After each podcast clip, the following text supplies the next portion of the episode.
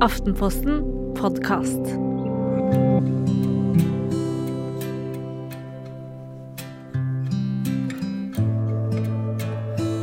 Det finnes noen nærmest slagordaktige mantraer om barneoppdragelsen i vår tid, kan man få inntrykk av, og mye handler om selvfølelse. Men er det noe vi har misforstått litt på veien, mon tro? Velkommen til Foreldrekodens selv-spesial, kan vi kalle det det. Vi skal snakke litt om selvfølelse, selvtillit, og kanskje litt selvgodhet, selvtilfredshet etter hvert.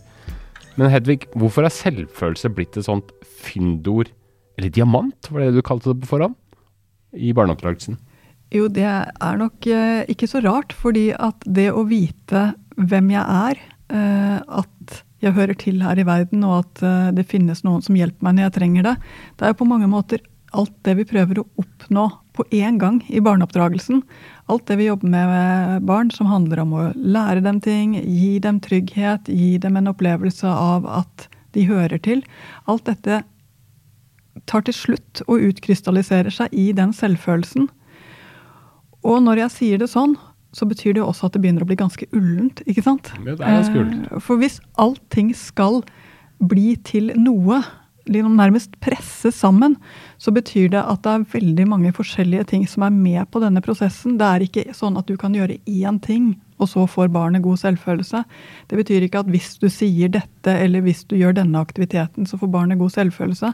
For selvfølelse er virkelig summen av det som skjer til enhver tid hjemme hos dere og i barnets liv. Og du er ikke engang den eneste premissleverandøren til barnets selvfølelse. Det kommer andre aktører inn, det kommer lærere, det kommer trenere, det kommer andre mennesker rundt.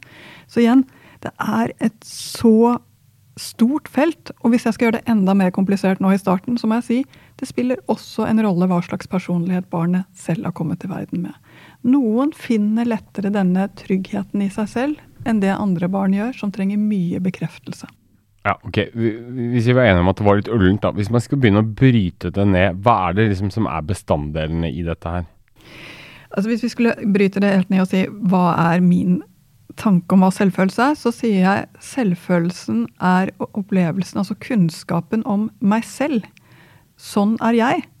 Eh, Og på godt og på vondt, det kan jeg leve med.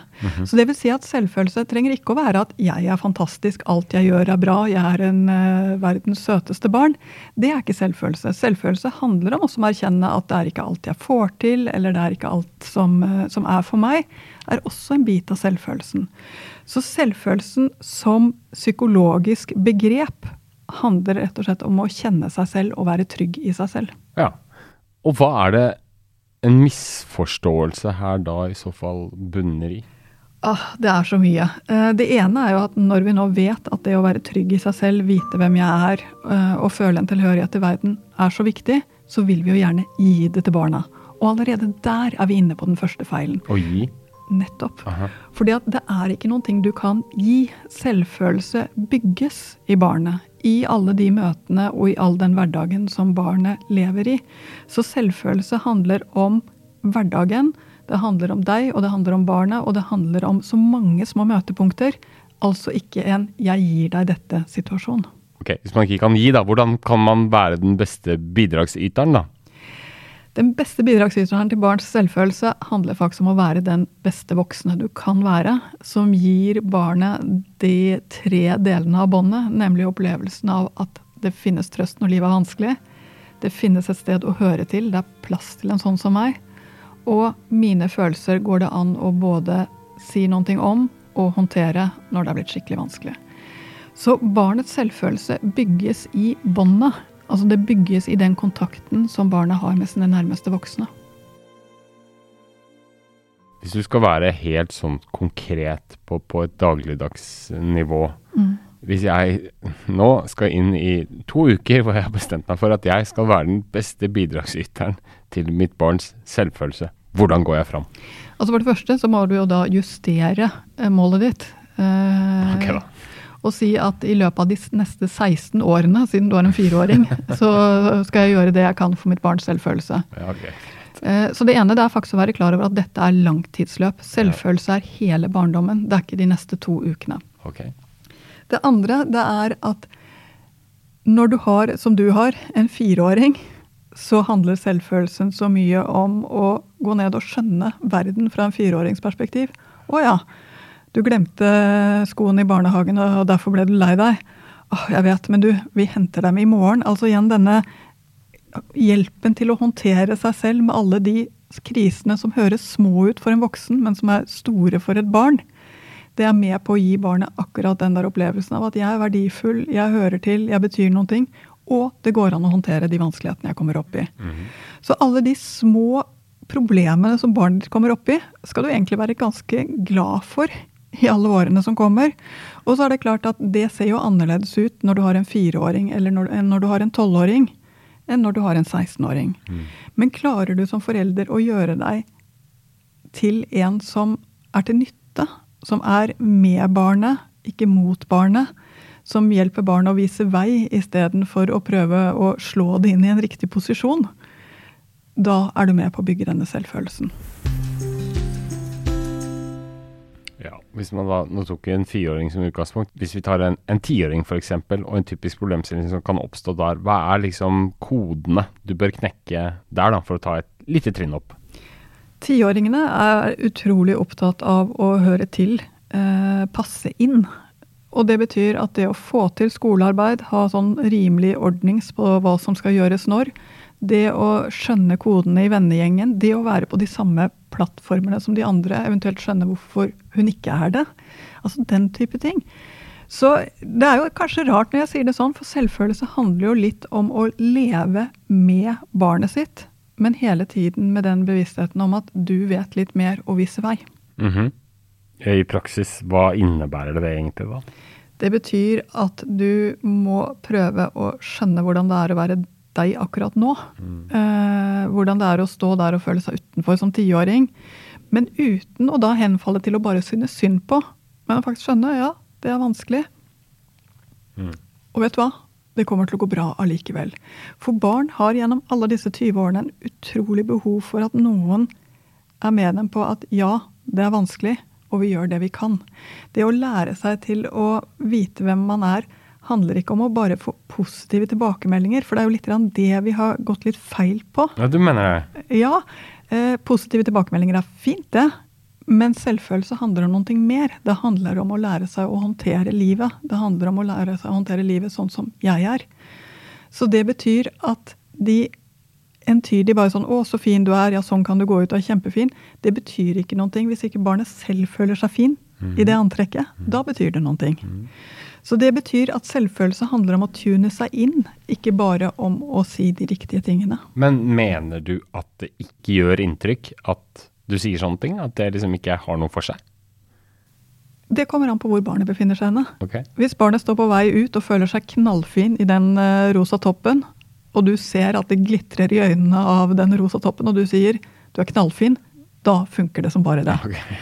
Men hvis hun er usikker, hvis hun gruer seg, hvis hun går og tenker på hva kommer venninnene mine til å si, ikke føler seg noe bra, så kommer du lenger med å si 'hvordan går det', hvem er det du skal treffe, Okay. Uh, enn en å si noe om den toppen. Skal toppen. litt til å tune seg helt inn på hvordan de har det til enhver tid. Absolutt. Og der kommer det vidunderlige inn med at du har disse 20 årene til rådighet. Ok, ja. Fordi du trenger ikke å gjøre det riktig hele tiden. Du trenger ikke å treffe hver gang. Men det er mer selvfølelse er for meg et slags overordnet forståelse om hvor vi skal. Og så kommer vi til å si feil ting. Vi kommer til å si eh, ja, bare gå sånn. Eh, når barnet egentlig hadde trengt at du sa eh, hvor er det du skal, eller hvordan går det? Eh, så du kommer jo selvfølgelig til å gjøre noen feil innimellom. Det gjør ingenting. Det er den lange linjen her som det handler om. Og det handler om en slags grunnleggende forståelse av at det kommer til å gå bra til slutt. Og hva er liksom eh, selvfølelsens verste fiende? For det er, går vi sikkert og er litt redd for også, at, og for å krenke eller skade selvfølelsen til barna. Hva er det verste man kan gjøre? Altså Bortsett fra det helt sånn banale. Når du slår eller straffer barn og får dem til å føle seg små og hjelpeløse, så er det noen ting som skader selvfølelsen deres. Noe annet hadde vært rart. Eh, og så tror jeg også at den helt grunnleggende følelsen av at det går ikke an å skjønne hvordan du har det eh, Det er ikke noe vits i at du forteller det engang, for jeg skjønner deg ikke. Det er også en ting som skader selvfølelsen.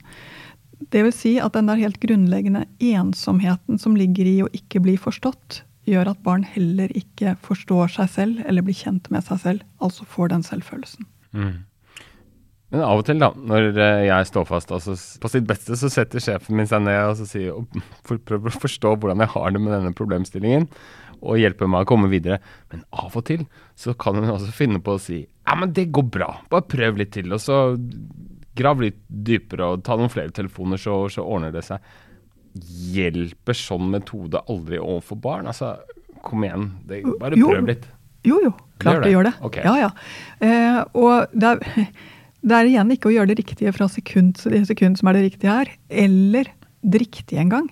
Jeg er ikke engang på jakt etter det riktige, men jeg er mer på jakt etter at du gjør ditt beste. Og jeg vet av og til at det jeg trenger å høre, er hvis du prøver litt til, så kommer det til å gå. Ja. Hvis du ikke prøver litt til, så kommer det garantert ikke til å gå. Mm. Jeg trenger den hjelpen også, som er både en form av heiarop og dyttrop. Det trenger barn også. Men når det er den eneste metoden din sjefen din bruker mot deg, eller når det er det eneste du sier til barnet ditt, ja, da blir det litt ensomt å være barn. Mm.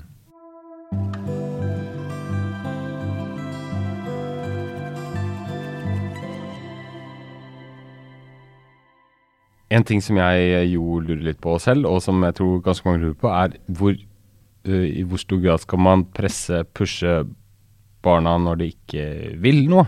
Bli med på en, en eller annen trening, eller gå i en eller annen bursdag, eller være ute med noen, noen venner. Altså hvor, hvor hardt skal man pushe, og har, det, har dette noe med selvfølelse å gjøre? Ja, det har jo det. fordi at når du ikke pusher i det hele tatt, men bare sier ok, da går det ikke, Ja, så blir det jo ikke så lett å utvikle mot eller nye ferdigheter. Eh, og det å utvikle det som vel vi kunne si er en slags moderne fetter til selvfølelsen, nemlig selvtilliten, Ja. eh, som altså er 'jeg kan-følelsen', det kan jeg få til, det kan jeg klare, eh, så trenger den små dytt. Den trenger at du sier 'skjønner at du ikke helt vil på den eh, treningen', men vet du hva? Gå, begynn, og er det noe du ikke vil gjøre, så kan du bare la være å gjøre det. Så er det en måte å få barnet i gang på, ut på, strekke grensene sine, føle seg flink. Det å føle seg at jeg får til noen ting, betyr noen ting når du skal bli kjent med deg selv. Det å prøve seg selv i disse ytterpunktene av hva du klarer, betyr noen ting. Men når du pusher for mye, når du sier jo, jo, gå ut og lek med de andre, eh, uten å se at her har du en tiåring som kommer til å gå i stykker hvis hun går ut med de andre, ja, da blir jo hun helt alene igjen med sin opplevelse. Så det er så finstemt. Hvor mye skal du følge, hvor mye skal du dytte, hvor mye skal du dytte i en spesiell retning, og hvor mye skal du lene deg tilbake igjen og se litt hva som skjer, sånn at du kommer med innspill som faktisk hjelper. Så du spør hvor mye skal man dytte? Svaret på det er du skal dytte litt, Ja. men du skal ikke ha det som den eneste tingen du gjør med barnet ditt. Du var inne på selvtillit. Hva er forskjellen på selvtillit og selvfølelse sånn egentlig? Ja, sånn egentlig så er selvtillit et ganske moderne begrep. Eh, Etterkrigstiden i Amerika, faktisk. Og handler om rett og slett hva jeg kan og hva jeg får til. eh, sånn at her har vi ikke inne dette her hvem jeg er-elementet i det hele tatt. Det handler om å kjenne at det kan jeg gå i gang med, for det kan jeg få til. Det er sånn litt sånn Pippi-tingen. Det har jeg aldri gjort, så det kan jeg få til. Vi kan si at det er høy selvtillit, men det er jo ikke høy selvfølelse. Nei. Eh, og det er vel også en ting som kjennetegner Pippi lite grann, eh, hvis man ser litt dypere på henne. Hun er opptatt av å gjøre, men har kanskje ikke alltid like stor selvinnsikt og like stor heller tillit til andre rundt seg her i verden. Mm. Eh, og når man ser på hennes oppvekst, så er kanskje ikke det så rart. Eh, og når jeg sier det, så kjenner jeg at nå får jeg sikkert mange uh, som elsker Pippi mot meg. Det må jeg bare si, jeg har stor kjærlighet til Pippi. Veldig stor kjærlighet til Pippi. Men denne her, det jeg er god, det jeg får til, uh, er selvfølgelig en viktig ting også i barneoppdragelsen. Fordi barn er programmert for å lære. De skal lære seg hvordan de skritt for skritt kommer i gang med noen ting, får gjort noen ting, blir flinkere i noen ting, vokser innenfor noen ting. Og det jeg synes også er ganske interessant når vi ser barneskoleårene, så er selvfølelse og selvtillit veldig tett sammenvevd. Spesielt i disse årene her. Hvis de ikke føler mestring på skolen, så har de veldig problemer med å føle tillit både til seg selv og til de andre rundt seg. Så det er mange år hvor disse tingene er enda tettere sammenvevd, selvfølelse og selvtillit, mm. enn det det er eh, senere, både før og etterpå i livet. Jeg tenker at selvtillit både er viktig, og du kan ha mye av det på noen felt fordi du faktisk er god.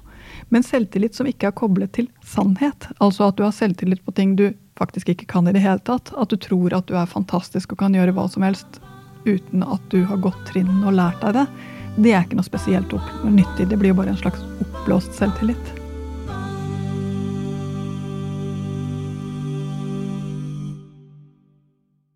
Så består noe av den misforståelsen du kanskje observerer om selvfølelse, at folk mikser disse to begrepene og nører opp under en selvtillit? Og at det blir for mye av det gode av og til?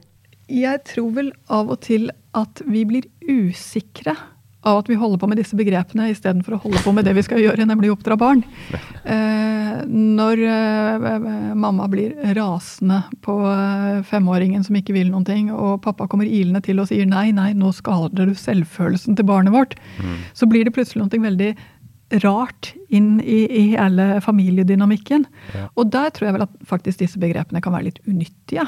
Ja. Eh, fordi det blir mer slagtre som vi kan slå hverandre i hodet med, mm. enn det det blir veivisere i hvor er det vi skal.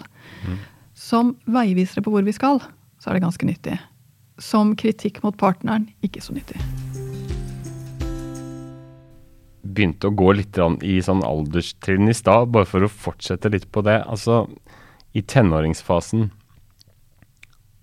da kan man forestille seg, i hvert fall er myten litt sånn, da. At man er på sitt mest sårbare, og, og det derre selvfølelseaspektet er eh, Hvordan kan man best hjelpe barna sine i denne perioden her? Ja, det er rart med det. Har du en 14-åring, så skal du virkelig være forsiktig med hva du pirker, pirker fingrene borti. Ja. Eh, fordi du har helt rett.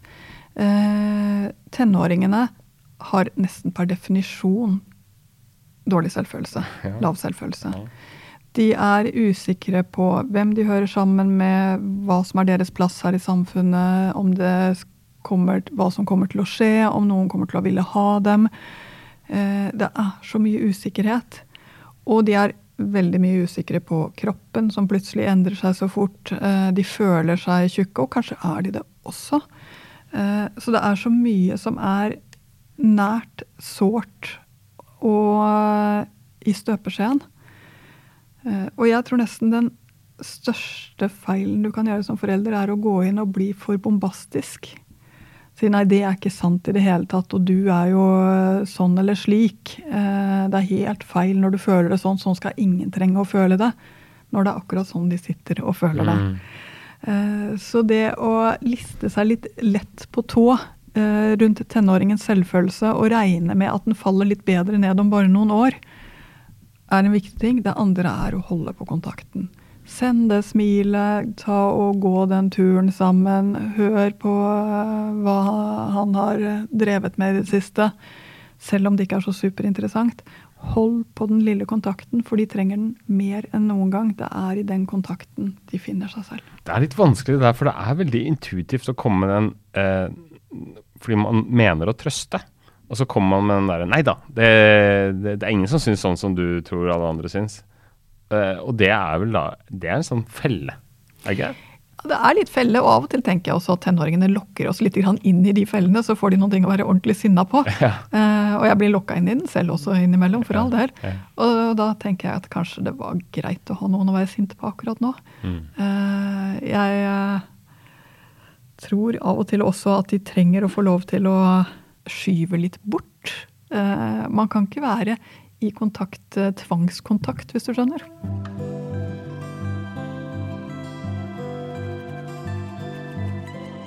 Noen barn kaster seg ut i ting, andre er mer tilbakeholdne. Hvordan vet man hva som handler om selvfølelse, selvtillit, eller hva som rett og slett er en del av personligheten? Ja, hva er hva? Eh, og jeg tror av og til at vi ser, når vi ser det der barnet som sitter og er så trygt, som sitter og har det fint både med seg selv og de rundt seg, så er vi ikke i tvil om at det er et barn med en god selvfølelse. Og det trenger ikke å være hun som tar mest plass rundt bordet, eller hun som snakker høyest. Men det er noen ting i uttrykket til de barna som har det trygt, og som føler seg med, som er helt spesielt. De forsiktige barna har også dette. De forsiktige barna har også den opplevelsen av at her er jeg, og det er jeg glad for. Og du trenger ikke å ha den hele tiden, men hver gang du ser barnet ditt har den lille 'her er jeg', og det er jeg glad for'-følelsen, så skal du virkelig smile til både deg selv og til barnet, fordi det er et strålende øyeblikk. Og det å få lov til å ha de øyeblikkene betyr noen ting. Mitt poeng er bare dette handler ikke om det er et barn som er frempå, eller som er forsiktig. De barna som er fremkå på, kan få så mye kjeft at det rett og slett blir vanskelig for dem å finne denne tryggheten. Så der får vi det problemet. De barna som er veldig forsiktige, kan få så mye dytting og nudging for å komme seg ut i det badebassenget eller komme seg på den barnebursdagen, sånn at de føler seg helt feil. Så der får vi det problemet. Nesten helt uavhengig av barnas problemer så må vi tilpasse rett og slett hvordan vi møter dem med bare én ting i tankene, nemlig Det går an å være sånn som du er, og jeg skal være med deg helt til du klarer å bære det selv. Hvis vi koker eh, dette ned til essensen, så er det vel trygghet det handler om? Og hvordan skal man innta foreldrerollen for å gi barna best mulig trygghet, eller gjøre de trygge, da? Ja, det ene er at du trenger å ha sånn noenlunde overskudd til å kunne ta vare på én til. Så hvor stabil du er, betyr noen ting.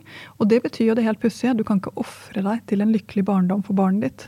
Du er nødt til å leve et sånt noenlunde liv selv også, sånn at du har de kreftene for å ta vare ikke bare på deg selv, men på en til.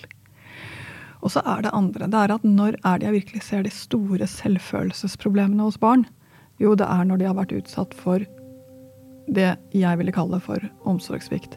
Når de har blitt utsatt for at ting er uforutsigbart, at de ikke får det de trenger, at de får fysisk avstraffelse eller at de blir skjelt ut, at det ikke finnes noe sted å gå når livet er vanskelig, og hvor det ikke finnes noe sted hvor det å være meg er faktisk helt greit med den dysleksien jeg har, eller med den sjeløydheten jeg har, eller med den sjenansen jeg har, eller hva det nå kunne være for noe som gjør at det ikke alltid er så lett å være seg selv. For det finnes ikke noe barn som bare får det lett. Og det finnes ikke noen forelder som ikke innimellom vil møte på at dette var faktisk en skikkelig vanskelig situasjon å være forelder i.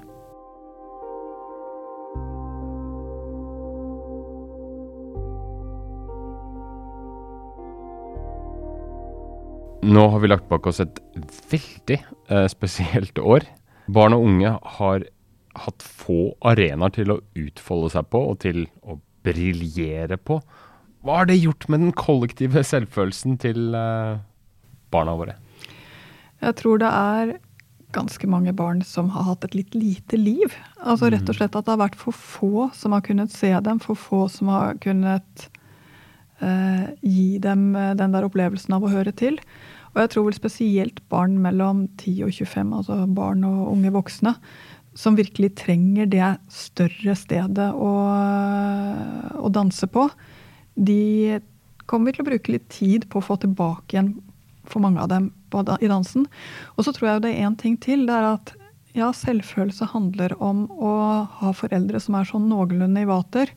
Jeg tror det er ganske mange foreldre som eh, i store deler av landet som har kjent på at barnehage på rødt nivå og hjemmeskole og fritidsaktiviteter som blir noe av, og så ikke blir noe av, og så uh, hiver vi oss rundt i alle retninger. Og kanskje, for ikke å snakke om alle foreldre som sitter og har vært permittert, eller er permittert, som er usikre på egen fremtid. Det er mange familier, og det merker jeg hver eneste uke på jobben min. Det er mange familier som har mindre å gå på. Eh, og ja, vi kommer nok som samfunn til å bruke tid på å reparere det. Hva legger du i det?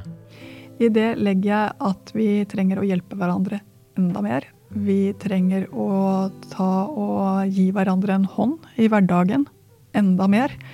Eh, og vi må melde oss igjen som frivillige i eh, korpsfotball, eh, når allting starter opp igjen. Det var en slags oppfordring der på tampen. Vi takker for at du hørte på denne episoden. Du kan nå oss på e-post foreldrekoden at aftenposten.no, eller du kan melde deg inn i Facebook-gruppa vår Foreldrekoden hvis du ønsker å diskutere denne episoden eller andre temaer rundt barneoppdragelse. Takk for at du hørte på.